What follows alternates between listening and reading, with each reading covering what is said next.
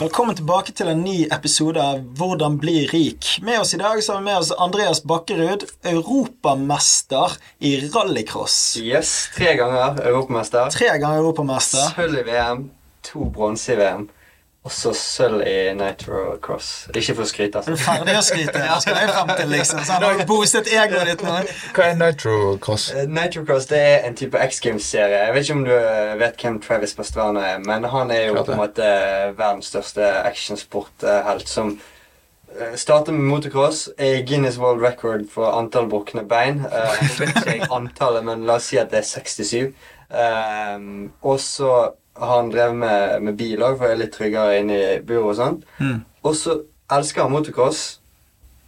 Må kjøre bil, for han kan ikke holde på med motocross lenger. Så han ville starte noe som heter nitrocross. En kombinasjon med biler på motocrossbane.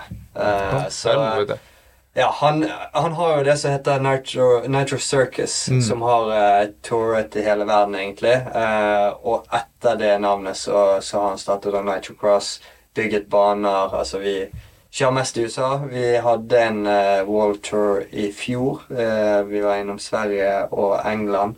Uh, men for det meste i USA, også i Calgary. Så i år da så kjører vi fra juni til mars. Um, så vi har to løp igjen. Ett i Calgary på isen i vinter. 1. februar, 1. 2. februar. Og så har vi sesongfinale i Las Vegas første helgen i mars. Og dette er jo noe nytt du har begynt med. Begynte under covid. sant? 2021 ja. jeg gikk, eller 2020. Og 2021 var det vel covid-året. Ja. Nei, 20... Ja, Ja. 2020-2021. Uh, 2022 signet jeg for å kjøre Nitro Cross, eh, og uh, også i år, da. Ja, Men du ser jo bare galskap ut. Jeg ser de hoppene du gjør. Jeg bare sånn der, eh, Hvordan tør han? ja, altså jeg mener Noen av de hoppene, spesielt i Salt Lake, da, der har han laget liksom, der har han designet banen. Han har vært der i en måned i forkant, bygget bane og, og ramper og sånn. Så det, og han er jo, det skal sies, han er veldig teknisk på å, forstå hopp og fart og vind og, og alt mulig. Så der hopper vi et gap jump eh, som er liksom eh, 80-70-80 meter langt sant, med bil. Det er jo helt spinnvilt. Bil. Altså, eneste dere kan relatere til, er en fotballbane i 100 meter. Eh, nesten en hel. Fra ene siden og til straffemerket, liksom. Ja. Ja, nesten så langt. Hva, hva tenker du når du kommer på det hoppet, da? Nei, for det første så Vi har en dag før der vi trener, og da eh, får vi masse tid til å kjøre og hoppe. For du må treffe hoppet i riktig fart. Um, la oss si at uh, det er hopp i, i uh, Utah, i Salt Lake. Da må vi treffe det på rundt 130 km i timen. Og da, når du kjører opp rampen, så er du nødt for å gå av litt på gass, og så gå på gass igjen for å få- fronten opp. Eh, samtidig i luften så må du, eh, om du ser at eh, bilen begynner å tippe nedover, så er du nødt for å gi gass. For sentrifugalkraften fra hjulene vil da dra bilen litt opp, fronten litt opp. Men om du har for mye gass, så vil han gå sånn i luften. Sant? Da får du- får du veien der, sånn. Så da må du bremse. Oh, ja? Og rette den opp. Oh, ja. Og så må du gå tilbake på gass. Så du må liksom balansere hele tiden, da. Og jeg, jeg kan si dere med hånden på hjertet Jeg er så dritt i buksen før de uh, treningene. For det, hele livet så har jeg kommer fra gokart og banereising og rallycross og sånn som det. Men vi har aldri drevet med så mye hopp. Jeg har aldri kjørt motocross.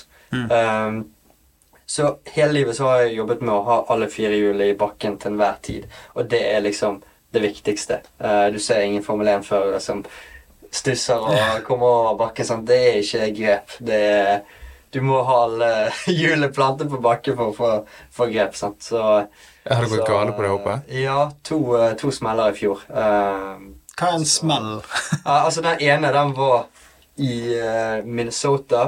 Eh, kom over en bakketopp, altså hopp. eh, så tok, eh, tok det tak, og så rullet jeg eh, tre ganger. Endte i en betongmur. Uh, G-måleren viste 43 G. Hva vil det si? Eh, det var, det var sinnssykt hardt. Okay. Eh, så det var jo 130-140 km i timen. Bam, bam, bam. bam. Eh, knallhardt i betongen. Um, Hva skjer i hodet ditt da? nei, altså greien var at jeg har kjørt så mange år uten å ha en skikkelig stor uh, krasj og en skade, liksom. Ja. Men her var det liksom i- Idet vi smalt, så kom buret inn, det traff hjelmen. Det vrei på en måte nakken litt den veien. Eh, strakk skulderen. knakk en fing, for ruten føk ut og fikk drit inn, og jeg holdt meg foran ansiktet. Mm. Um, og så, så det var liksom litt traumatisk, da, men alt gikk bra til syvende og sist. Og så en måned seinere tilbake, da skulle vi kjøre i Phoenix, kommer vi tre biler over et gap jump som var kanskje 40 meter eh, langt. Uh, og det òg er egentlig ganske langt. uh, fikk en i siden i uh, hoppet. Bil bare roterer litt skjevt. Lander eh, sideveis og begynner å flippe så syv ganger rundt. Nei. Men den var ganske smooth, liksom. Eh, kontra den første, Ja. der jeg bare gikk høyt og lavt og høyt og rett i en mur. Andreas er ganske flink på å flippe, han òg, men han flipper på andre ting. Ja, du flipper eh, biler, og jeg flipper hus. Men eh, det høres ut som du har en fremtidig karriere som stuntmann. Jeg tror min er mye dyrere. enn. Hva koster en sånn bil? da? Altså, det er jo det som er sykt. sant? Ja. Våre biler koster jo 600 000 dollar. Oi. Så vi, vi kjører rundt og krasjer Lamboer, liksom. Ja, ja. Det, det er jo vilt. Hva er det som gjør at det koster så mye? Nei, Det er jo spesifikasjoner. sant? Våre biler nå er fullelektriske. Eh, oh, ja. To eh, foran, to bak. To batterier, en under førersetet, en under passasjersetet. Men vi har ikke noe passasjersete, altså under høyresiden. Eh, de går 0 til 100 på 1,8 sekund. Eh, de kjører på, eller vi kjører på asfalt, grus. Vi hopper, vi har platekontakt, alt er karbon. Uh, så det, det er høy spesifikasjon, liksom.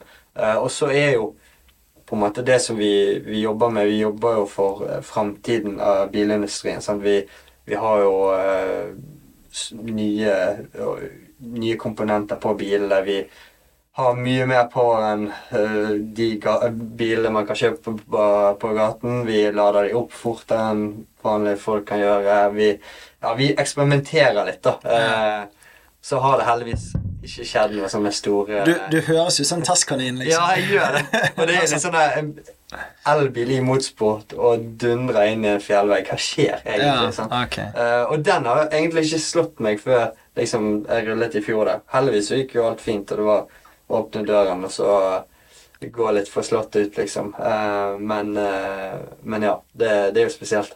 Setter du deg i bil igjen etter du har, du har trint og kjørt 130 km inn i veggen? Hva, hva gjør at du eh, en uke eller to etterpå sitter igjen i bil og bare Ja, nå skal jeg dundre på Ja, 80 meter frem, liksom. La oss ta det der hoppet. Det går fint. Ja, altså greien var at det har tatt ganske lang tid å komme seg over den kneiken der. For det, Mm. Jeg trodde ikke at det der skulle liksom eh, implementere hjernebarken noe særlig, men det gjorde det. Altså, jeg eh, Istedenfor å komme inn i sving og sitte full rotasjon og komme liksom baklengs inn eh, i svingen, så, så styrer jeg inn, og så styrer jeg litt tilbake, og så er jeg litt, litt forsiktig, på en måte. da. Ehm, og det har tatt en tid å bygge seg eh, over det, liksom. For det, du kan jo ikke være Nei. Med liksom, Du må være du- 100 sikker. Ja. Du må liksom bare gønne på og ha 100 troen på deg sjøl i slike situasjoner. Ja, det, det er liksom det. sant? Og, og trekker man seg, så går det som regel Ja. skeis. Så, um, så ja. Nei, jeg har lært masse av det, og, og det har tatt lang tid å komme tilbake, og nå føler jeg liksom endelig at det begynner å sitte igjen. da. Sparrer du med noen andre idrettsutøvere når det gjelder det, da, for å eh, komme Nei, over litt det? med mentale coacher og sånne ting, da. Ja. Uh, så eh, Men ja. Det, det, greien var at det tok meg med en sånn surprise, for det har ikke skjedd så mye. Og så har jeg drevet på, på en måte med VM i rallycross, og så hoppet jeg over til nitrocross, og så så jeg egentlig ikke helt fare med det. Mm. Uh, og så bare bam, smalt det, og så bare Å, helvete. Er For det første så går biler så sinnssykt fort. Eh, og så, eh, når det først smeller, så smeller det skikkelig. Det lurer jeg på før vi går videre fra bil. Hvor mye, liksom, hvor mye har bil å si, hvor mye har sjåføren å si? Hvis vi hadde kjørt samme bane, jeg hadde kjørt en Tesla, Ja. du hadde kjørt en Nissan Leaf. Ja. Hvem hadde vunnet da?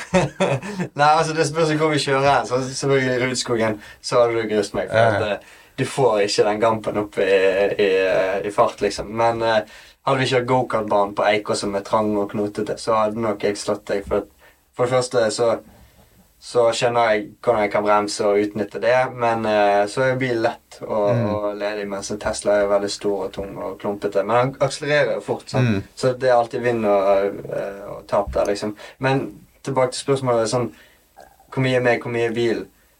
Det er, det er ganske likt. Altså jeg, Om jeg vinner et løp, så er det selvfølgelig kun meg. Om det går skeis, så er det teamet. Det er ingeniøren, det er, det er mekanikerne, det er dekkene, det er alt mulig. For det, det har vi blitt lært fra Petter Solberg og, og andre. Uh, Når vi er på men- Petter er Solberg veldig- Det er er veldig Petter. Solberg Jeg- husker vi satt, uh, vi satt på en terrasse eh, en sommerdag og uh, drakk noe pils. Og så, Kom frasen fram. du, du tåler jo ingen alkohol. Nei, det er jo definisjonen av deg. Du drikker sikkert tre-fire ganger i året. Ja, ja. Og da To julebrus, jeg, så jeg eh, Da får du ut av meg. Og da, da kommer det noen greier ut av Andreas som er sånn Det som ikke skal skje når du drikker alkohol. Da. Da, eh, det var ikke det at han sa det til meg, men det han faktisk gjorde en annen gang på fylle. Da hadde du ringt til Petter Solberg. Ja, altså, det har jo vært min, eh, min akilles da om jeg har drukket eh, voksenbrus, liksom. Så jeg er veldig fæl på å ringe, ringe Petter Solberg, Henning Solberg, eh, Ken Block når han levde, og Travis Pastrana, og alle de her, liksom. sånn. Så jeg kjører mot, eller ser litt opp til, eller you name it, Martin Skanke. Eh, så akkurat dagen etterpå så føles, det helt jævlig, men uh, Og da sier du til dem? de- Veldig god Og da sier du til dem uh, nei, det vet jeg ikke. Men det husker de. Ja, det- det husker bruker de mot deg. ja, det gjør de hver gang. Men du nevnte Ken Block. Uh, han gikk vekk tidligere i år, var det så? Ja, 2. januar. Så eh, ja, det var jo en tragisk ulykke på en måte hjemme.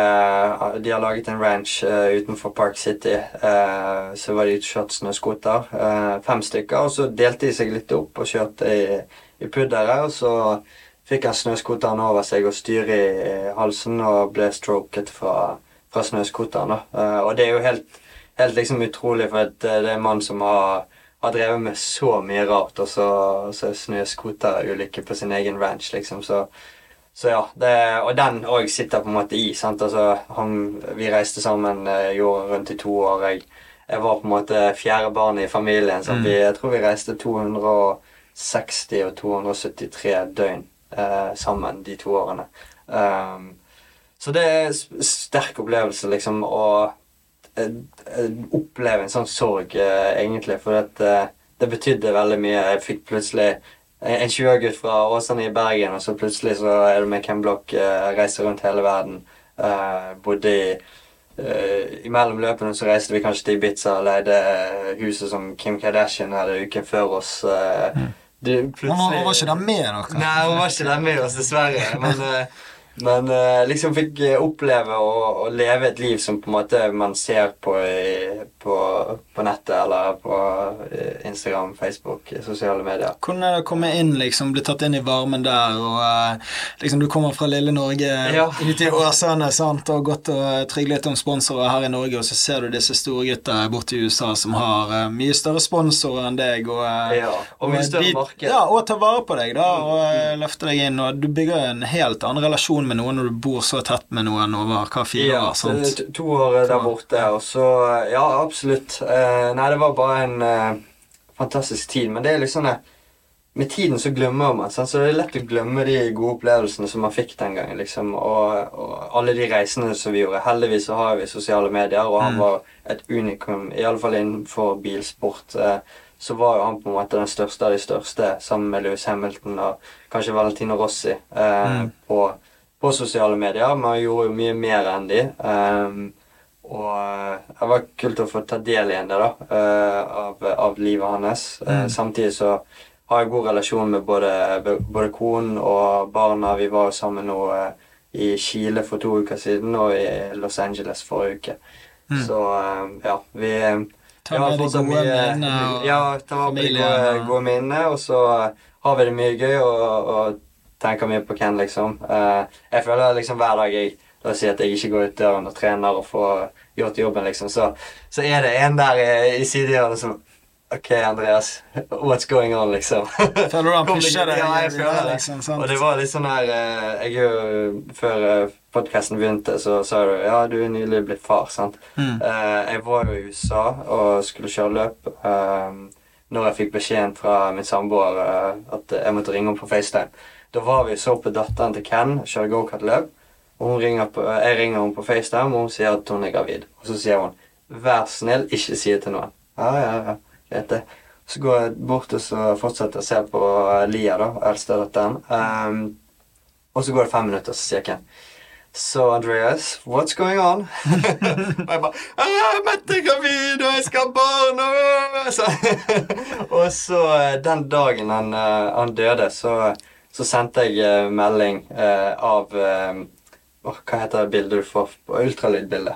Mm. Uh, med 'It's a Girl'. Og så sendte jeg uh, var på Google og så søkte jeg opp uh, 'Book for Men'. Uh, da, da er det en sånn svær bok, liksom. Så bilde av en bok. 'For men. uh, how to understand girls'. Okay, yeah. Så screenshotet det, og så sendte jeg 'It's a Girl' og så den der. Uh, Til Ken. til Ken, og så skrev han bare ha-ha-ha, og så fire timer etterpå så, så dør han, liksom. Uh, som er helt utrolig, liksom. Mm.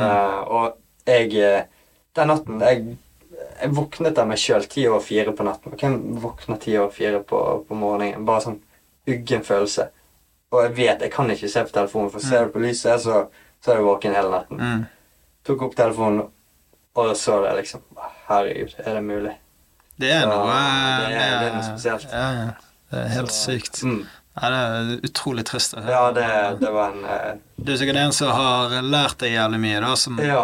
og som pushet deg, og Ikke fortsatt minst. pusher deg. Ja. Sant? Og så er det å ta med seg han videre da, når Ja. du, eh, du skal fortsette din karriere. Absolutt, absolutt. Og så er liksom Han var jo motivasjon på en måte på um, Kanskje ikke det sportslige, men alt det utenom sportslige, for han gjorde alle de kule tingene. Han var ufattelig flink eh, marketing, spesielt sosiale medier. Um, og så når han gikk bort, så var liksom Det har vært et lite tomrom der. Hvem skal jeg følge og se opp til for å pushe meg igjen? Ja. For i år så har jeg kjent på det at eh, jeg har sluttet litt med YouTubes, da. eh, ting som jeg holdt på med tidligere, og postet mindre på sosiale medier. Og så håper jeg at jeg kan ta det opp igjen nå eh, over nyåret, liksom. Men jeg trengte dette året her til å liksom lande litt, da. Ja, for du har vært veldig aktiv på sosiale Ja. medier tidligere. eh, Siden, du, siden 2010, tror jeg. Du har et vlogg? 2009, Ja.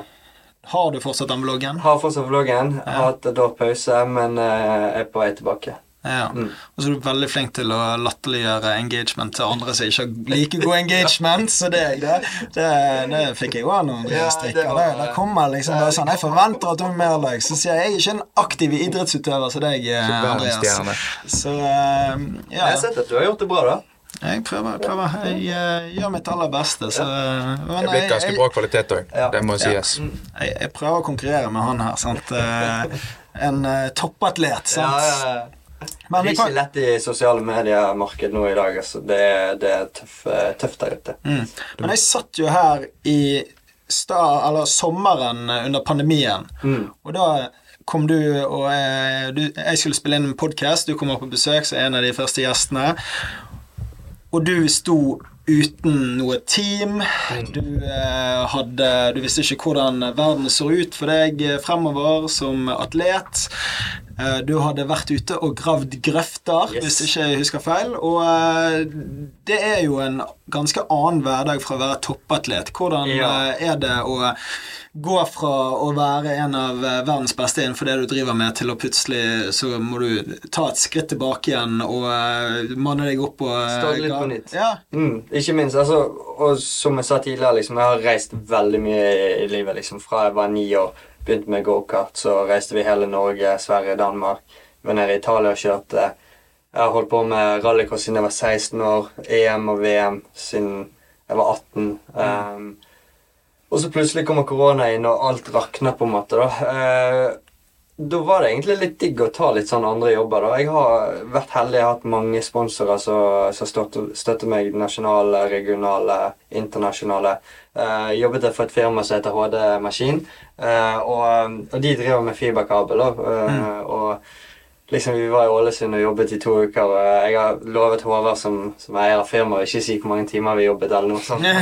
Men eh, det, var, det var grisetøft. eh, og vi var her i Bergen og lagde uh, la fiber på brostein eller under brostein. Knallhard jobb, ass. Mm. Eh, og undervurdert, liksom. For det, det, man blir god i fysisk form, man er ute hele dagen, man uh, tjener greit med penger. Uh, og det er, en, det er en tøff jobb, liksom. Uh, og jeg tror liksom av og til, for min del, altså så mine favorittfilmer er litt sånn Rocky, Underdog, uh, slå unna ifra og opp. Eh, og av og til trenger man en liten sånn reset. Kjenne litt på livet før man liksom klarer å lande noe på siden, og så gønne på igjen. Det gir mye motivasjon å gjøre litt andre ting. Eh, få litt annet perspektiv på tingene. Lene seg litt tilbake, se litt hva man har å, å rutte med. Og jeg tror det var en viktig greie for å på en måte komme dit som jeg har kommet i dag. da. Um, så vi bounset ba- tilbake, ble europamester i 2021. Uh, og så skrev jeg avtale med, med Monster og et eh, team i USA. Um, og der har jeg vært og hatt en på en måte solid jobb de siste to årene. Så, um, og veldig fornøyd med det.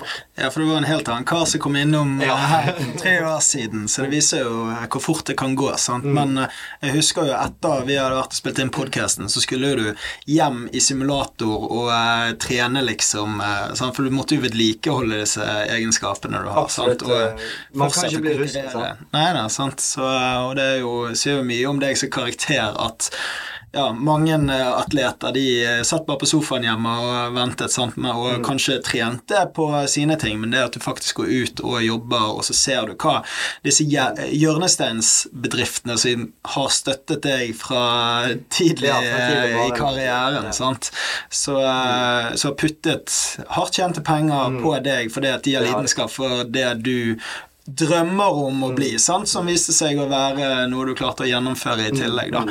Og eh, du kan jo fortelle historien om første sponsoren du fikk, eh, hvordan eh, det ble til. da. Ja, altså, det, det er jo way back, sant. Men det var jo eh, liksom alle dåpspenger og bursdagspenger opp gjennom årene da jeg var ni år. Så kjøpte vi en gokart til 10 000 kroner, og så eh, og så eh, dro pappa og hentet den, kom hjem, og så har jeg, her er gokarten. Og jeg bare oh, dritkult, sant. Eh, og så sier han ja, men nå har du gokart.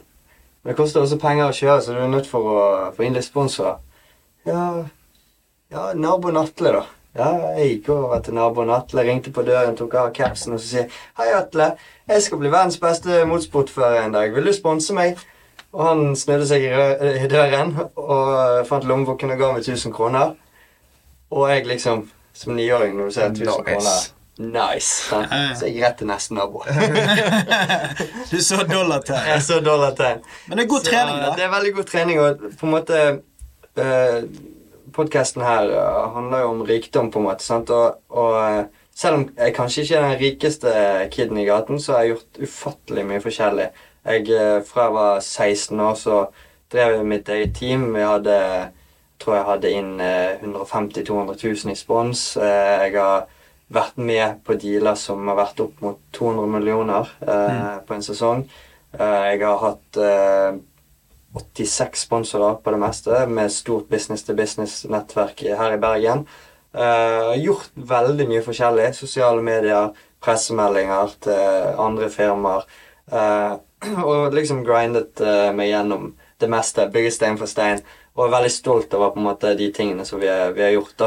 For du er en gründer på en måte selv. om Du. Istedenfor å gå til investorer, så går du til eh, sponsorer som Mm. skal investere i din karriere, og får synlighet eh, selvfølgelig i Ja. retur. Uh, mye er jo fortsatt passion. sant? Det er jo ikke alle disse her som får uh, pengene sine igjen i form av spons, men de syns det er kult. Også, Mm. Ja, så mange velger å være med på turer. Sant? Vi Ja. har skapt mange eventer. Det største vi hadde, var i, i Latvia i 2016. Vi chartet et fly. 250 mennesker. Fem busser stående i Riga flyplass. 170 rom. Hoodies, T-skjorter, eh, flagg, eh, inngangsbilletter. Eh, middager, lunsjer, alt mulig. You name it. 250 mann. Så det betyr. Sant? Det- Og det verste av alt, er liksom når de kommer på Flesland så er det noen som tar en sånn reisepils. Jeg var ikke på det flyet, men dette er blitt fortalt. Så kommer de 250 stykkene inn på flyet, og så tar det av. Og så når du er oppe i luften, så hører du ding! Samtlige 250 reiser seg og må pisse. Og må. Og han der piloten bare Hey, calm down! Get back!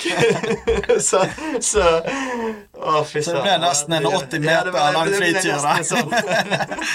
Så Nei, det er helt rått. Men du har jo ringt til mange av disse sponsorene for å eh, spørre de personlig om de har lyst til å sponse deg, da. Absolutt. Og, og før sånn, så hadde jeg Når jeg var yngre, da hadde jeg en sånn mentalitet når jeg ringte folk, og, og de sa nei, liksom.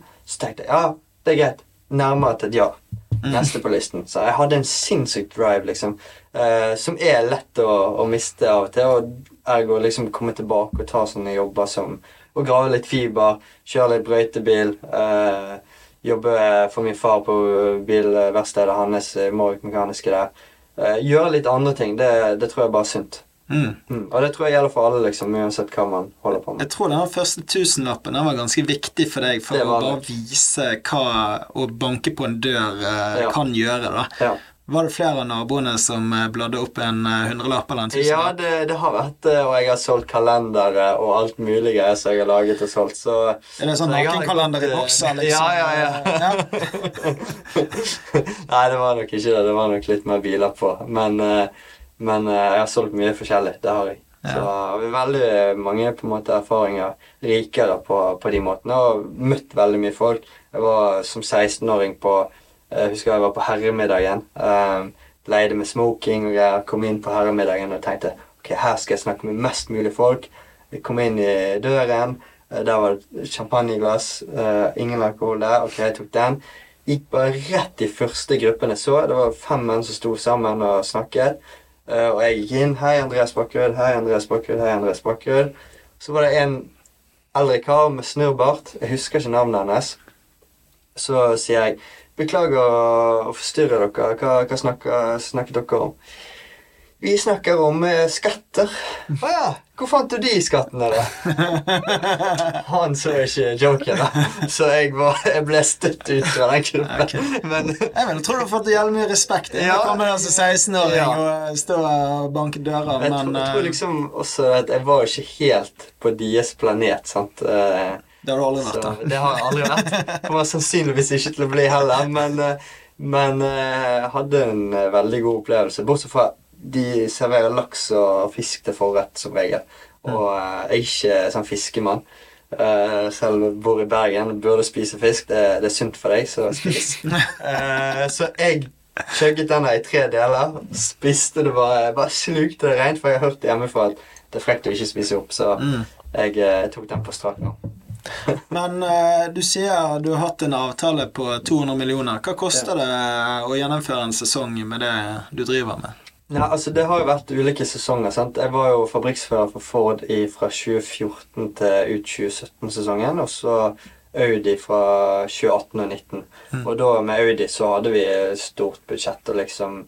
Vi hadde syv trailere, vi hadde 55 mann eh, som jobbet for oss. Vi var to biler. Eh, meg og han Mathias Ekstrøm. da, Vi, vi hadde egen, egne toalett som kom på eh, hvert løp til oss med musikk, god lukt, eh, ombytningsrom, eh, på en måte sittegrupper og Altså, det, det var hotell på hjul med Ja. skikkelig fine driter, liksom. eh, og eh, det, det var liksom Vi hadde budsjett til, til alt. Jeg hadde også en bil i en Audi RS7 som sto fast i Tyskland, og jeg skulle egentlig flytte ned dit, og så ble jo det en helomvending i bilindustrien der på en måte eh, alle bilfabrikantene skulle brande elbiler Mm. istedenfor bensinbiler. Så alle bilfabrikantene trakk seg ut og, og satset eh, mot el. da. Så det drabbet jo på en måte Rallycross stort, så vi gikk jo fra eh, Jeg tror det var 180 millioner i budsjett til 20 millioner i budsjett på okay. ett år. Fra 55 personer Wow. til 9 personer. Hva er deres budsjett nå, da? Nå har vi vel eh, Vi ligger på rundt 20. Ja. Ok. Mm. Så eh, det er ennå ikke på en måte tatt seg opp, men, eh, men det er veldig, veldig mye spennende som skjer. Uh, Nitrocross, som, som jeg kjører, da, er nå solgt til uh, Dana White, uh, Rob Durdeck og Travis Pastrana. Uh, og de eier da UFC og eh, det her slap-greiene som jeg ikke helt skjønner meg på. Men det gir mye views, og de, de har veldig stor peiling på marketing og veldig trendy i USA, da. Så ja, det er ganske nytt type konsept, nytt type mesterskap. Engasjerer veldig mange influensere som kommer på, på løpene våre, som henger der. og, og det er mye, mye gøy, si. Ja, for de vet jo hva, hva det skal si å bygge en sport. De kjøpte jo UFC for slikk og ingenting Ja. eh, en gang i tiden, og nå er det verdt mange milliarder dollar. sant? Jeg tror det var 60 milliarder dollar. Jeg lurer på om de har solgt eh, deler ut av det. ja, de gikk sammen med wrestling-del, Ja. sant? Men de styrer det fortsatt og har Ja. noen aksjeposter i det. Men det var vel både Joe Rogan og Dana White, var ikke det? Eller er det kun Dana White? Jeg tror det bare Dana Ja, White som har det, men eh, de tjener sånn sinnssykt mye på eh, atletene. da Det er ikke Ja. atletene som blir rik på det, sånn som deg, da. Mm, ja. Nei, men eh, Ja, selvfølgelig. De har spyttet veldig mye i det og tjener nå. Men hvor mange er dere teamet nå, da, når, dere, er- når det er 20 millioner i budsjett istedenfor Eh, 150-200? Så vår side Altså, teamet vårt driver fire biler. Eh, så når jeg sier vårt team, så er det to biler. Mm. Så vi har et budsjett på røftlig 20 millioner. Vi kan tenke meg er ja, Vi er vel rundt en åtte til ti personer. På, Og så krasjer du en bil til 6 millioner. ja. Mm. Men hvor mye klarer du å redde av en sånn bil, da? Ganske mye. Eh, motorer og, og batterier og sånn klarte seg med alt liksom Skroget. Skroget var, var boss. Eh, så 250 000 dollar, kanskje. Mm.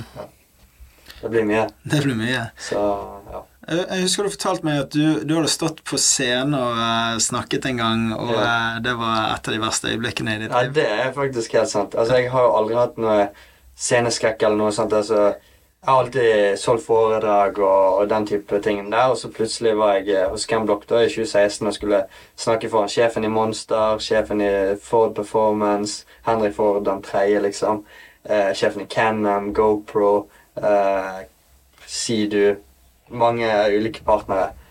Og så har jeg et Andreas Bakkerud, så kom jeg med en joke, og så var det ingen som lo, og jeg bare Jeg har lyst til å bare grave Altså, jeg fikk så nedsig, uh, og jeg måtte bare gå derifra. Så jeg klarte ikke å si noen ting mer. Og det, det der var knekken, altså. Hva var joken? Uh, det var egentlig uh, Men det var så vi satt, De satt i en hestesko. Jeg skjønner jo at han var dårlig i dag. så det var sånn midt stemning. Sant? Så jeg bare Hei, jeg heter Andreas Bakkerud. Ja, I'm a motorsport addict, eller noe sånt. Så jeg som at, ja. Og det var ingen som lo. jeg var, som et A, med det. det var så kleint, det. Jeg kjenner jeg blir rød, rød i trynet nå. Ja, for, men jeg husker at du har aldri fortalt det til noen. Ja, nei, det, det er liksom Jeg prøver å begrave den, men uh... Og så treffer du meg, Ja, og så, ja, graver jeg det opp igjen. ja, der kommer det slappet Ja, ja. inn, fra Dana White-gjengen. sant? Så, nei, den var, men det er en del av livets skole. sant? Um, man kan ikke alltid treffe. Så, men det liksom har vært min go to om jeg skal inn i en uh, forsamling som prøver å break the ice. med Mm. Ja. sant? Og jeg pleier å ta litt på sparket. Tok det litt altfor sparket den gangen. der. Han var jo bra, da. Hvis det Ja, hvis altså- én hadde ledd, så hadde alle tatt det. Hadde én ledd, så hadde det blitt bra, tror jeg òg. Så Av og til så må du bare stå der lenge nok til at de Ja. bare sånn begynner å le pga. det begynner å bli kleint. Ja. Men uh, det har vel sikkert vært noen nedturer eh, utenom uh, den eh, covid-episoden Uh, Ja, altså, det, det er jo flere nedturer enn det er oppturer. Eh, ja, jeg har på en måte en eh, Egentlig, selv om jeg har hatt en trygg jobb i år, så har resultatene vært dårlige i år. Eh, Ok. Så Og rullingene i fjor og sånne ting. Det er jo på en måte nedturer, sant, men det bygger jo en Og man blir trigget av det, sant. Eh, og man trenger av og til å få en liten down før man eh, kommer opp. Altså det, det vet jo dere alt om Mm, dere driver i en annen virksomhet, men det er jo ups and downs. sant? Eh, Absolutt. Og så gjelder det å høste når man kan. Men Eh, er det noe penger i pallplassering? ja, så det, det Nitrocross er ganske bra betalt i form av premiepenger. Så i fjor så kjørte jeg inn 240 000 dollar. Oi. Oi. Så det var, Skroget på bildet. Eh, Nice. Hvordan er fordelingen der med teamet da, og deg? Det er prosentfordeling. Jeg tror jeg har rundt 20-25% Ja. Så du har en eh, halv million, eh, 600 000, da. Ja. Så og for min del så var det helt eh, Altså, jeg har jo litt sponsorer og sånt på siden som kan dekke litt lønn, og så er jo de bonusene jeg, eh, jeg sikter etter. Og sånn som kom hjem nå etter siste løp i år, eh, har på en måte hatt én pallplass i år. Eh, ligger på fjerde i mesterskapet, som på en måte har vært litt under par, uh, under par for min del. Så har det ikke vært et godt år, men i fjor var det veldig bra. Hadde, hadde to-tre seire og en del pallplasser, uh, som gir bra betalt. da. Uh, men det er for- og ulemper med, med Som å være idrettsutøver. Presterer du ikke, så, så får ikke du betalt. Ja, og du var jo med en annen idrettsutøver nettopp som ikke har prestert heller de siste to årene. Ja. Louis Hamilton. Lewis Hamilton, ja. Ja. ja. Vi var i Abu Dhabi. sant? Og Monster, som jeg har vært sponset siden, uh, siden 2013, Mm. uh, har jo sponset teamet der. De har nå gått over til McLaren for neste år. Uh, og jeg hadde samme billetten i 2019, eh, og vi var da nedover i Abu Dhabi. Eh, sikkert billetter som Skulle du kjøpt det, så måtte du sikkert betalt eh, pris mellom 180 til 240 000. Eh, vi var virkelig ringside, sant. Eh, var der med alle førere, fikk skikkelig innblikk. Og så i tillegg så to av mekanikerne til Louis er, er store fan av rallycross og, og reiser rundt på en del løp, så kom litt uh, under huden uh, der, liksom. Selfie med uh, ja, med ja. Hamilton. Det var noe greier med bil, eller noe? Ja, altså, ja, han sleit litt i siste løpet i Abu Dhabi der, men ja, ja det var en tøff, eh, tøff sesong for ham. Og så kjenner du broren hans. Kjenner Nicolas godt. Eh, kommer til en del løp. Han òg er sponset Monster. Ja. Eh, vært hjemme hos han. Kjørt simulator sammen eh, med han en del. Og kjørt litt gokart med han eh, i England. Så ja, har vært litt, eh, litt på turer. En ting jeg la merke til eh, når eh, Formel 1 eh, herjet som verst her i Norge, da, det var jo at Lennon Norris følger jo deg på Instagram. Ja, det jeg var sånn Hva faen? Nei, Vi har kjørt litt på iRacing sammen. Eh, det er en morsom type, og han er litt sånn som meg. Utadvendt, gjør mye på sosiale medier. Eh, og en kul type, egentlig. Er jævlig Så, kul. Jeg liker ja. han best. da. Ja, jeg, jeg, jeg, jeg må si jeg er fan, jeg òg. Han er en kompis av Kygoen, altså. Ja, det er han. IRacing, hva er det? det er type spill, gaming. Er ikke gaming, men det er litt mer um, oh, ja, gaming for eh, bilsport. da. Bare high-tech, liksom. Ok, så, det er ja, simulator, simulator, simulator, okay. ja. Så kjører dere mot hverandre i simulator? Ja, sant? så det, det er kanskje 13 000 eh, førere på plattformen. Kjører ulike mesterskap, enten baneracing, formelbil, rallycross som jeg kjører, eh, offroad og NASCAR i USA. Sånn at eh, Veldig mye forskjellig, så det, det er veldig bra å på en måte holde muskelen min eh, oppe der og jobbe med ingeniører og sånne ting. Så, ja. Er det tilskuere og ja, Ikke, Eh, altså, ikke det er inne i simulatoren? Altså, det er jo Twitch og livestream og Mm. sånne ting. Jeg gjorde jo litt det på YouTube og hadde jo ganske bra, bra reach på, på de tingene. Det var jo liksom 4000-5000 stykker som var live og, og så på våre episoder òg. så det er veldig stort uh, innenfor Kult. den sjangeren, liksom. Så det, det er fett. Det er det. Så, men jeg er egentlig ikke så teknisk, datateknisk av meg, liksom. Så det er litt hustle å, å drive med, ikke sant. Uh, å, å, drive og snakke samtidig som du kjører Mm. race og, og den biten der. Det er, man sitter liksom der med tungen ute. Og, Det er jo underholdning, da. ja, det er jo det. det, er det. Uh, could you please send me ten dollars? Yeah, uh. I'll make the big jump. ja, det Så er det fint med, med simulator, for at om du vraker bil, så er det bare å trykke restart, og så begynner du på'n igjen. Litt billigere. Så litt billigere. Men er det palleplass der òg? Er det race? Liksom? Uh, iRacing, eller simulatorkjøring, det er nivået der er så sinnssykt høyt, liksom. Altså, eneste som er topp, topp dogs der, er Max Verstappen og Landon Norris. De er dritgode. Eh, men de er fortsatt ikke best i verden, liksom. Eh, og du er nødt for å ligge liksom åtte til ti timer hver eneste dag for å være on top of the game i, i simulatoren. Fett å sitte på gutterom og slå Max, da. Ja, det, det er litt kult. Så ingeniøren min jobber jo også for uh, Max Verstappen. Han er ingeniøren hans på iRacing. Okay. Så, ja. så uh, Max er jo kjempeinteressert i, i um, simulatorverden og, og kjører mye iRacing. Eh, og ligger mye, mye tid på det. Hva gjør en ingeniør i iRacing? Nei, jeg setter opp biler altså Den simulatorverdenen og iRacing, der liksom bane endrer seg, temperaturen endrer seg, vinden endrer seg, uh, setter på bil, fjærer, høyde, vekt, fueling uh, Masse. Aerodynamikk. Det er en hel verden. Det er ikke bare plug and play? det, Altså. er- det er ikke plug and play. Eller det er plug and play, men så klarer du bare å komme til et visst nivå. Så kommer liksom lagarbeidet med ingeniører, teamkollegaer, tester den vingen, jeg tester den vingen, og det setupet. fett. Og så kommer du sammen og ser hva som er best. Så, og det er sånn vi holder på i den virkelige verden òg. Meg og teamkollegaene våre vi kjører ulike linjer på banen, f.eks. Jeg kjører med myk, en myk bil som kanskje gir litt mer traction. Han kjører en litt stivere en som gir litt mer reaction i bilen.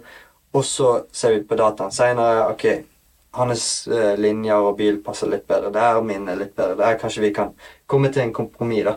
Eh, og så er det liksom hele tiden utforske hva kan, hva kan vi gjøre for å bli, ta et nytt steg og nytt steg og nytt steg. De sier jo i Formel 1 at det er ikke sjø, eh, sjåførene det går på, det er faktisk eh, bilen. Ja, sant? det mye- Stemmer mye- det i din sport òg? Ja, det gjør det. Og du kan se liksom George Russell som var med Williams, da. Var Mm. helt sist. Og så eh, røk Walteri Valtteri ut på covid i 2020. Mm.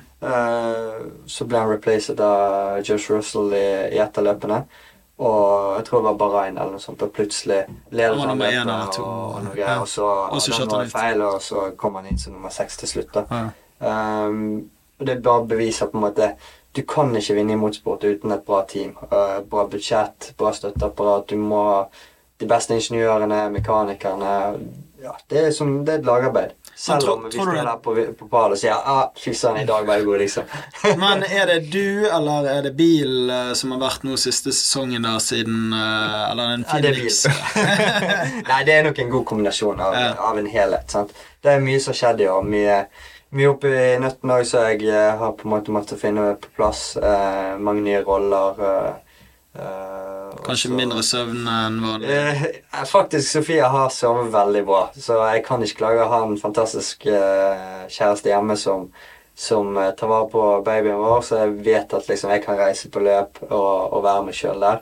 Eh, og så har jeg jo en sånn her Når jeg er på løp, så, så reiser jeg alene. Jeg skal dit og jobbe. eh, og, og får sove godt der, liksom. Eh, Hvor mange timer, eller hvor mange døgn har du på I år så har ikke jeg regnet, men jeg tipper rundt 200.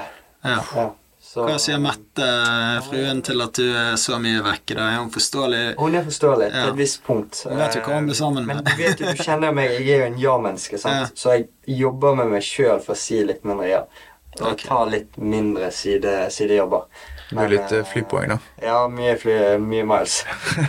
Så det blir eh, noen kjærlighetsturer etter hvert? eh, ja, jeg, jeg lover deg, vi skal, vi skal på en god tur. ja, bra.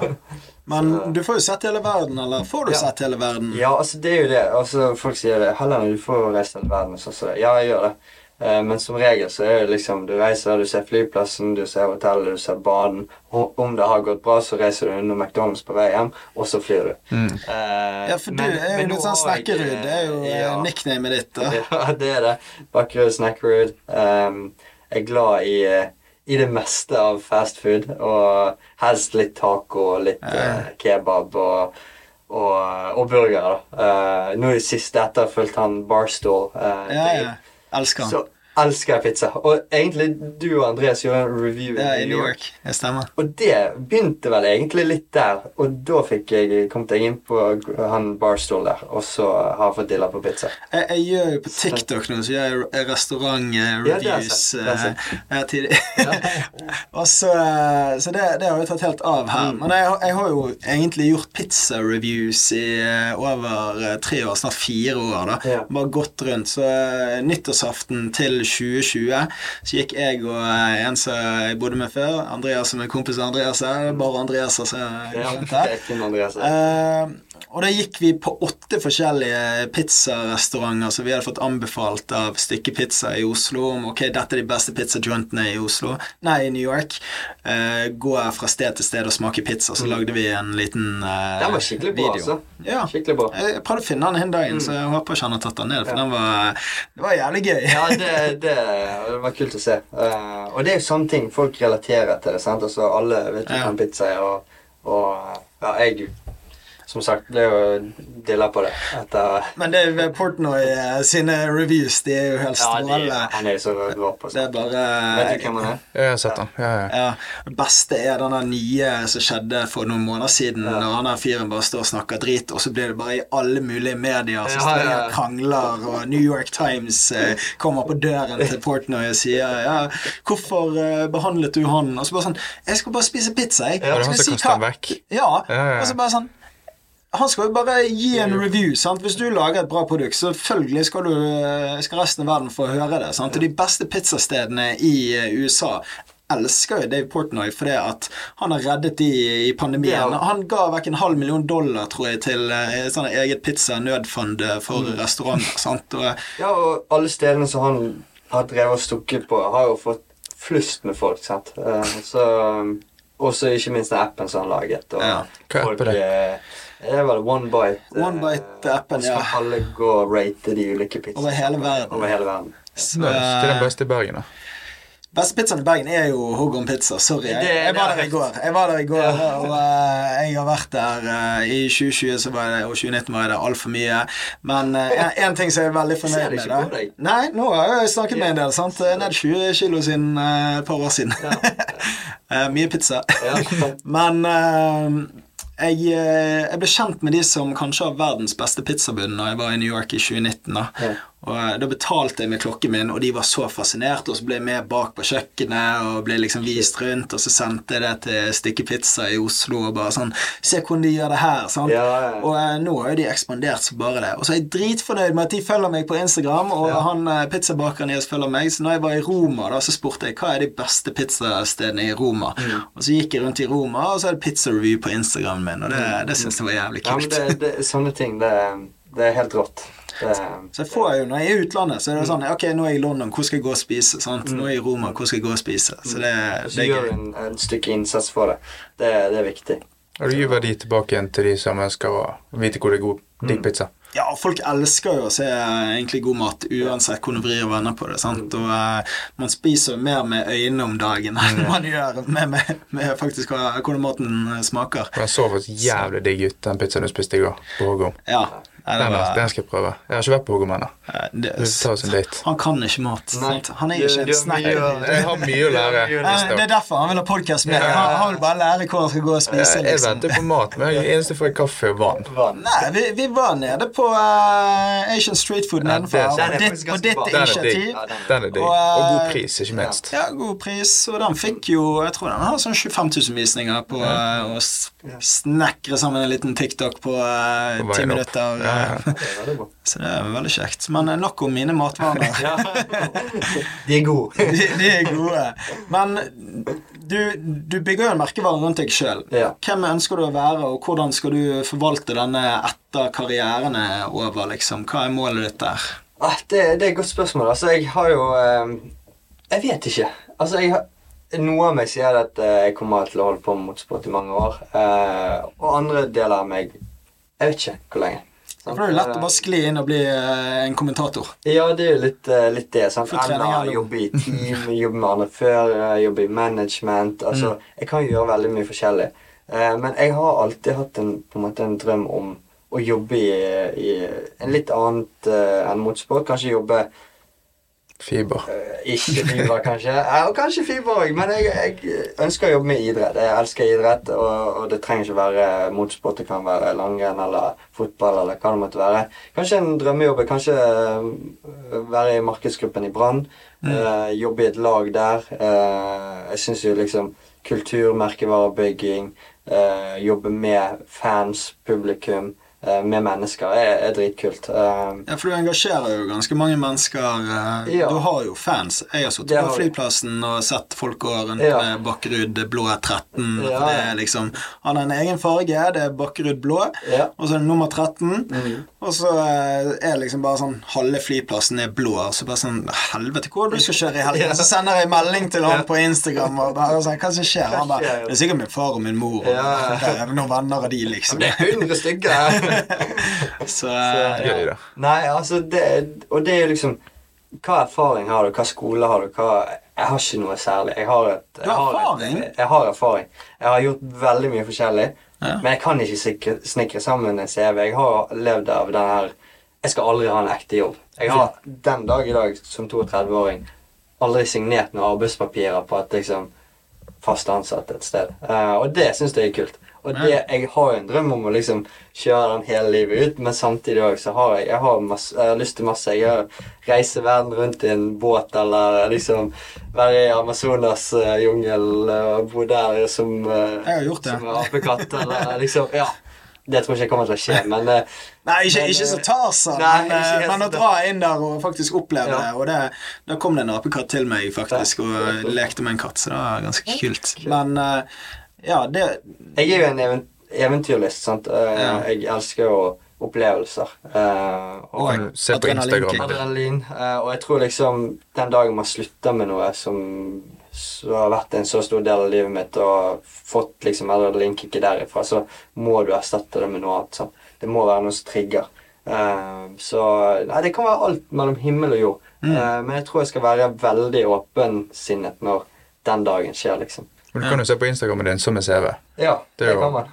ganske pen CV etter Ja, og, og det er liksom uansett om jeg skulle solgt et produkt eller hva, hva det skulle være, sånn, så har jeg eh, et stort publikum som jeg kan snakke til og selge til. Um, og ja, nei, det er veldig spennende, egentlig.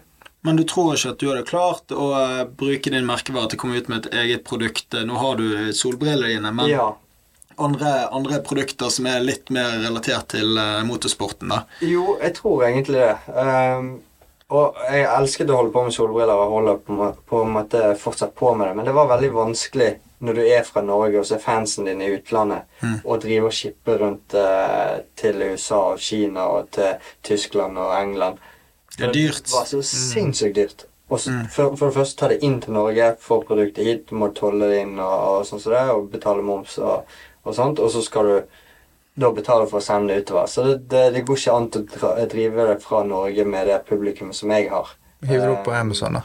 så det er Amazon som gjelder. Jeg hadde en stund eh, noen kinesere som distribuerte for meg. Men ettersom krigen med Ukraina og Russland, så gikk det fra liksom folk ventet i tre uker til å få det, til tolv uker og 14 uker. Og så var alle sidene på kinesisk. Så at når noen klagde på at produktet var for seint, så måtte jeg inn der, og så Og det går jævlig utover din personlige og og ja, merkevare-fokus, sånn, og eh, et dårlig plutselig kjører du i sånn, veggen, og Ja. ja, sant. Så Bare sånn Hva faen var det med briller? Ja, ja. Sant? Det, det var mye sånn. sant? Ja. Eh, Men jeg, det er noe som jeg jobber fortsatt med, og ønsker kanskje i, løpet av neste år å, få det opp og gå igjen. Ja, jeg tror mer at For vi solgte veldig bra. Det var veldig bra eh, engagement på det, og det var veldig Ja, fansen likte det. Eh, det var gode briller, god kvalitet, eh, veldig bra glass. Så, så tror jeg vi lå i et prissjikte som var, var rimelig. Hva var prissjiktet. Eh, vi lå i rundt 600 kroner. Ja, Da er det jævlig vanskelig å tjene penger, sant. For Ja. at eh, når du skal shippe utenlands, så eh, Ja. Har du sporing når du sendte utenlands? Jeg gjorde det i starten, Uff. og så bare skjønte jeg at vinningen gikk rett opp i spinningen. Ja. Og så, og så gjorde vi det gjennom Kina, og da gikk det egentlig ganske greit. Men uh, problemet var å tracke det. Uh, Jeg fikk litt sjokk nå når jeg skulle sende ut eh, Argentina sine VM-klokker. Så kommer du bort i Vietnam og Malaysia Ja. og sånne eh, til Brasil og Chile. sant? Så betaler du 650-700 kroner for å sende én klokke som de har betalt 200 dollar for. sant? Ja. Så er det sånn ja, Du har produksjon på klokken, du har markedsføringen er involvert i forbindelse Mm. med spons og diverse ting, og så har du den frakten. altså bare sånn, så du vil si, ja, Vinningen går opp i spinningen. Mm, Du, du takler 327 kroner til USA, men uh, det er liksom der smertegrensen går. Ja, det- på det er liksom sporing, da, Ja. tenker jeg. Men så, eh, og så har de liksom I 2013 så lagde jeg noe klær og nettsider og begynte å selge litt klær. Og da var det en i Argentina som skulle ha en i medium. Sendte til, til Argentina. og dritdyrt. det går ikke. Og så en måned senere så fikk jeg en retur. Du, jeg vil ha en størrelse større. Nei! Large. Send av gårde. Så, altså, liksom, du taper penger på å sende ut uh, til utlandet. Uh, men det er jo kanskje pga. at jeg ikke har funnet de riktige metodene ennå. Men nå er jeg i kontakt med flere ulike både influensere som gjør på en måte det samme, og, og har litt troen på at det kan komme seg. da. Uh, jeg tror også Solbriller syns jeg alltid har vært gøy. Ja, men Du har ikke vurdert å gjøre noe sånn prime-lignende greier, liksom? Er Greit nok at nå har jo du Monster Ja, som din sponsor, men å finne noe som er relatert til det du driver med, da, og eh, bygge produkt sammen med noen andre som er produkteiere, og du er bare ansiktet og markedsføringen utad. Jeg tror sånn som energidrikk er veldig eh, tungt marked. Ja, ja, men Ikke det at du skal begynne med energidrikk, for det er en av dine hovedsponsorer, Ja. men eh, liksom jeg, på meg solbriller, liksom. For det, Ja. det finnes så mye hoodies og T-skjorter og capser og alt mulig. Og selvfølgelig jeg kunne solgt litt av det òg, men, men jeg tror solbriller det er noe som mangler i motsportverden Altså, vi har Northug og, og de her som holder på i, i skiverden, men vi har ikke noe i motorsport. Så. ja, Kanskje du lager din egen jekk, da? Ja, jo, det, det ja, men, finnes jo ja, men lage noe eh, lage, ting som kan brukes på bil, tenker jeg. liksom, Ja, sant? sånn, For det er jo eh, Etter marked, på en måte. Ja, det er det folk eh, Ok, finn en partner på det, og så lager du sant, Hva koster det å lage en jekk Mm. versus hva selges det med Kult Bakkerud kjørehansker. Ja, det, det er det kult. Ja, Det hadde vært stilig. Det, det hadde vært Noen blå med noe Har du 13-tall hanskesponsor? Eh, Jeg har, eh, har eh, hansker og hjelmer. Vi gjør det sammen med de, da. Ja, faktisk. Vi har vært inne og snakket om det. Så avansen er ikke så veldig bra på de tingene der, men, men det, er masse, det er masse kult man kan gjøre, egentlig. Så Jeg får snakket med eh, Andreas Rolland her før i dag, da, om uh, Han lager jo mye greier på TikTok, sant. Ja. Han er Mr. Flip. ja. Så eh, Men han Er det, det er på TikTok? eh? Nei da, jeg heter navnet mitt. Ja. Jeg mistet eiendom på Twitter. Ja. Hvis jeg er på, på Twitter. Mm. Ja, Men uh, da sier jeg at uh, han burde jo uh, sånn med sånn Vyrt eller noe annet Hva heter disse merkene som du skrur og Det valgt masse Det valgt, Valgt, og det valgt, ja. Makita Ja da. Ja, men liksom å, å gjøre noe litt heftigere med disse verktøyene som man bruker til, til daglig, da, som Mm. er en del av hverdagen. For du det er jo mange som ser opp til han i forhold til hvordan han jobber med eiendom, og eh, hva Absolutt, Okay, Bare vil vite hva, hva verktøy er det som man bruker. sant? Men det, altså, jeg tror det er noe i det. For nå har jo vi flyttet en del eh, boliger. Har noe på utleie. Nå har jeg testet litt forskjellig kjøkken. Testet egentlig litt forskjellig av alt. Og nå har vi landet på en kjøkkenleverandør som vi er ganske fornøyd med. Og da går vi inn i samarbeid med de for å vise følgerne at dette er det vi bruker. Og dette er grunnen til at vi bruker akkurat disse. Vi har testet litt forskjellig. Så er det selvfølgelig en prisklasse, da er det ett type kjøkken. En, pri, en annen prisklasse, da er det et annet type kjøkken. Så forklarer vi hvorfor vi bruker dette. Og hvis jeg hadde vært eh, min følger, da eller hvis jeg hadde fulgt en som drev med det samme, når jeg ikke var på det nivået jeg er nå, så hadde jeg, jeg hadde takket for alle sånne gode tips. For ellers må du gå gjennom denne testingen sjøl. Og det er, sånn, det er jo kjipt å kjøpe et kjøkken til 100 105 000, og så er ikke du fornøyd. Så kunne du sett innlegget mitt på Instagram hvor jeg kanskje får en liten kickback eller et eller annet. Eller billigere produkter. Og så går du for det beste med en gang. Så gjøre noe som du har testet ut, så kanskje du tar en hansketest. Ti forskjellige merker. Dette er de beste. Gå i samarbeid med de. Mm. Nei, absolutt. absolutt. Nei, Det, det finnes jo uendelig med, med greier man kan gjøre, liksom. Også side hustle som, som kan bli noe stort ut av. Eh, det er bare på en måte lande det riktige. sant? Eh, Du kan jo gjøre sånn som eh, Dennis Hauger, da. Han har jo eh, er winner, winner, chicken Ja, ja. dinner-greien sin. Og du har jo snekkeryd. Kanskje du kan lage en snack med noen, da? jeg, jeg burde absolutt eh, gå mer for uh, snack reviews, eh, men det, det vanskelige med det er at jeg er ikke kun i Bergen eller jeg er ikke kun i Norge. Jeg er liksom over alle land og krinker og kroker, så det er vanskelig å relatere til det. At, eh, liksom Det er åtte merker som eier alle matvareprodukter i verden, Altså så Ja, eh, ja. selskaper. Så, Tenk så kul reklame når du er sitter og kjører cross mens du spiser popkorn. Ja, det er Ja, men det, hva er det da? Nestlé, og så går du til PepsiCo eh, det, er- det er ikke så mange aktører der ute, sant? men de eier jo alt. Sant? Hvis du ser på det norske markedet, Orkla eier jo nesten alt du finner i dagligvarebutikken. Så eh, enten så kan du ta det norske markedet, jeg vet ikke hvordan fordelingen er på dine følgere, da, men eh, du kunne bygget mye ut ifra det.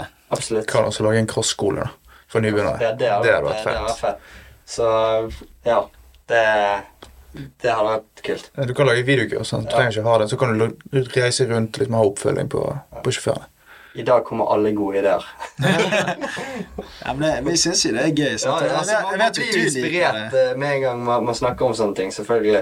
Uh, så eh, ja. Nei, altså Til syvende og sist, jeg, jeg, jeg likte veldig godt å holde på med solbriller, og det var en veldig bra greie og en veldig bra business på, på siden.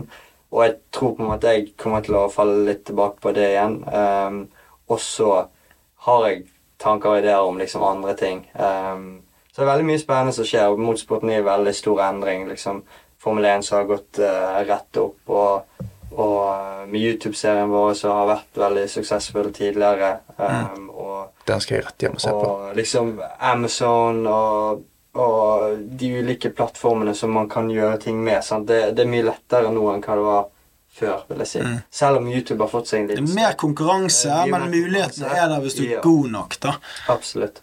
Så er det liksom, jeg har vært veldig nærme til å få til store ting og breakthrough, liksom. Har liksom ikke helt klart å, å lande noe så svært, svært, liksom. Hindrer du deg sjøl? Eh, Kanskje. Kanskje. Ja. Kanskje. Og så, eh, så tror jeg liksom eh, Selv om det er bra å være bergenser mange ganger, eh, og man har mye patrus- patriotisme herifra, og uten å være født og oppvokst i Bergen, så tror jeg ikke jeg hadde klart halvparten av de tingene vi har gjort. Mm. Men jeg tror også det at man ikke bor i eh, på Østlandet så tror jeg det er litt lettere å slå igjennom i media enn eh, fra Bergen, liksom. Jeg er helt enig. Jeg, vi har snakket litt om det tidligere, og vi har eh, kjeftet på eh, Bergensavisen fordi at de ikke støtter folk som prøver å gjøre litt ekstra. De er flinkere til å skrive når det går dårlig. sant? Og uh, Jeg hadde en samtale senest i går med en uh, gründer da, som faktisk selger reklamespotter uh, på nettaviser over hele verden da, via sin teknologiløsning. Og jeg, hun er helt enig. Det er liksom ingen lokalaviser som snakker om næringsliv eller de som prøver å bygge seg opp. Det var så vidt når du vant EM nå sist, så var det vet du var nevnt i TV 2, og TV 2 hovedkontoret i Bergen. sant? Så eh, hva er greien, liksom? Nei, altså, er det bare fotball eh, man gidder å snakke om, og eh, restauranter når det kommer til business og Jeg, jeg tror det til syvende og sist er liksom En journalist blir ansatt. Eh, hva, kommer, hva er bakgrunnen til journalisten? Jo, sikkert, eller hun, eh, de har spilt håndball og fotball. Og de har levd gjennom Norge, og kulturen er langrenn, skiskyting og den eh, normale sporten.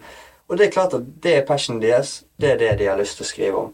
Eh, så kanskje de blir litt stuck i det sporet, men også eh, Og jeg har vært veldig heldig, og BT og BA og, og, og de har laget veldig mange saker om meg, og veldig mange bra saker.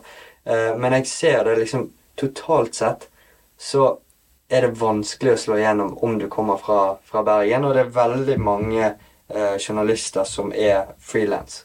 De kunne jo løftet deg opp, da. Det, og faktisk men, og sånn- mange andre idrettsutøvere. Ja, men Vi har ikke så mange toppidrettsutøvere i Bergen. Det er vi veldig dårlige på. Vi er utrolig flinke på musikk, liksom. Men toppidrettsutøvere Hva langrennsløpere har vi hatt noen gang? sant? Vinteridrett. sant? Du må ut er på vi Voss, ikke en helt eh, Ja, men vinterby, men vi, vi har liksom skøyteløpere. Vi har litt utradisjonelle idretter. Skøyteløp, vi har vannskoter Og av alle ting.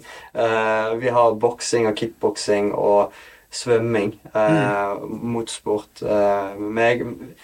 Veldig mange gode utøvere, men det er mange som er nødt for å flytte litt på seg for å slå skikkelig igjennom. mm. Og spesielt i media. Eh, det Brann er en veldig stor kultur, som er veldig, veldig fint òg. men det er vanskelig å konkurrere med konkurrere med det. Og, og det skjønner jeg òg, for Brann har jo en, en kjempefin stadion. Det er lett for eh, reporterne å komme dit. De fyller stadion, det er god stemning. Om det går dårlig, så er det enkelt å skrive om det. Om det går bra, så er det enkelt å skrive om det. Er det 0-0, ja, da er bare treneren dritt i dag òg, liksom. Så, altså, det, det, er, det er enkelt. Men sånn som for min del, da, så driver jeg konkurrerer i Los Angeles. Så er, da har ikke de penger til å fly en journalist over, være med hele dagen, se, følge med, gjøre notater. Andreas eh, og eh, Travis Pastrana de klinsjet, og eh, Travis sa fuck you til Andreas, og Andreas sa det tilbake til han, liksom. Så, eh, altså, ja. Jeg, men, jeg mener BA burde sponset deg, og så burde den vloggen din Den burde bli lagt ut uh, på BA, og eh, du kunne eh, kommet med ukentlige oppdateringer. For da, da bygger de deg, og du bygger de igjen. sant? For det når det er Brann, så konkurrerer de med alle andre kanaler. sant? Da, er det, da må de skape noe unikt uh, som BT ikke skriver om, eller TV 2 ikke skriver om, NRK ikke skriver om. sant? Men hvis de lager sin egen eh, Drive to Survive-greie rundt deg. Sant? Så skaper de den interessen rundt din i idrett, og, eh, og så får du en liten sponsor som er et lokalt medie. Men du får masse nye fans. De får et unikt produkt som de kan putte inn i uh,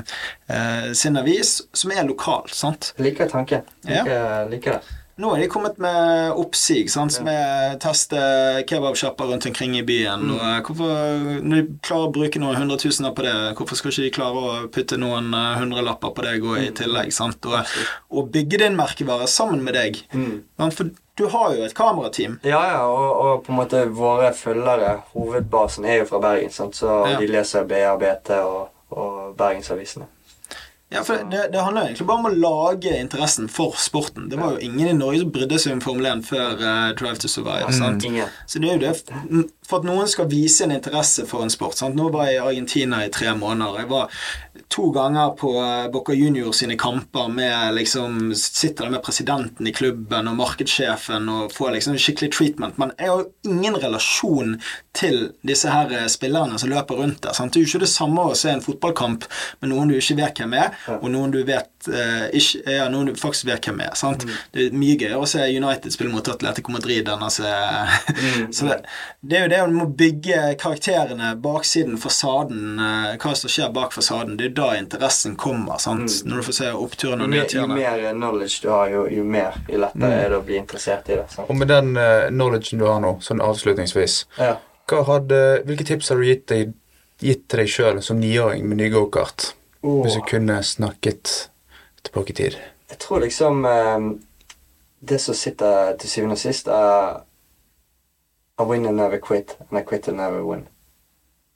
Den er fin. Mm. Jeg har kjempet mot så sykt mange førere. Så har jeg vært bedre, jeg har vært dårligere. Eh, de bedre har sluttet, fordi i lengden så har, vi, har jeg klart å, å være i sporten, eh, grinde ja, et par år, grave fiber, eh, tilbake, vinne. Når du får en mulighet, så må du gripe den. Men ja, jeg tror, jeg tror det er Må avslutte med den. Ja, en fin quote. Ja. For det, Tusen takk for at du kom til oss. Takk. Det var veldig interessant å høre på hva du har gjort, og hva du gjør. Og så takk til deg, Pål. Takk til vår nye produsent. Så får du eh, ha en fin uke til neste episode.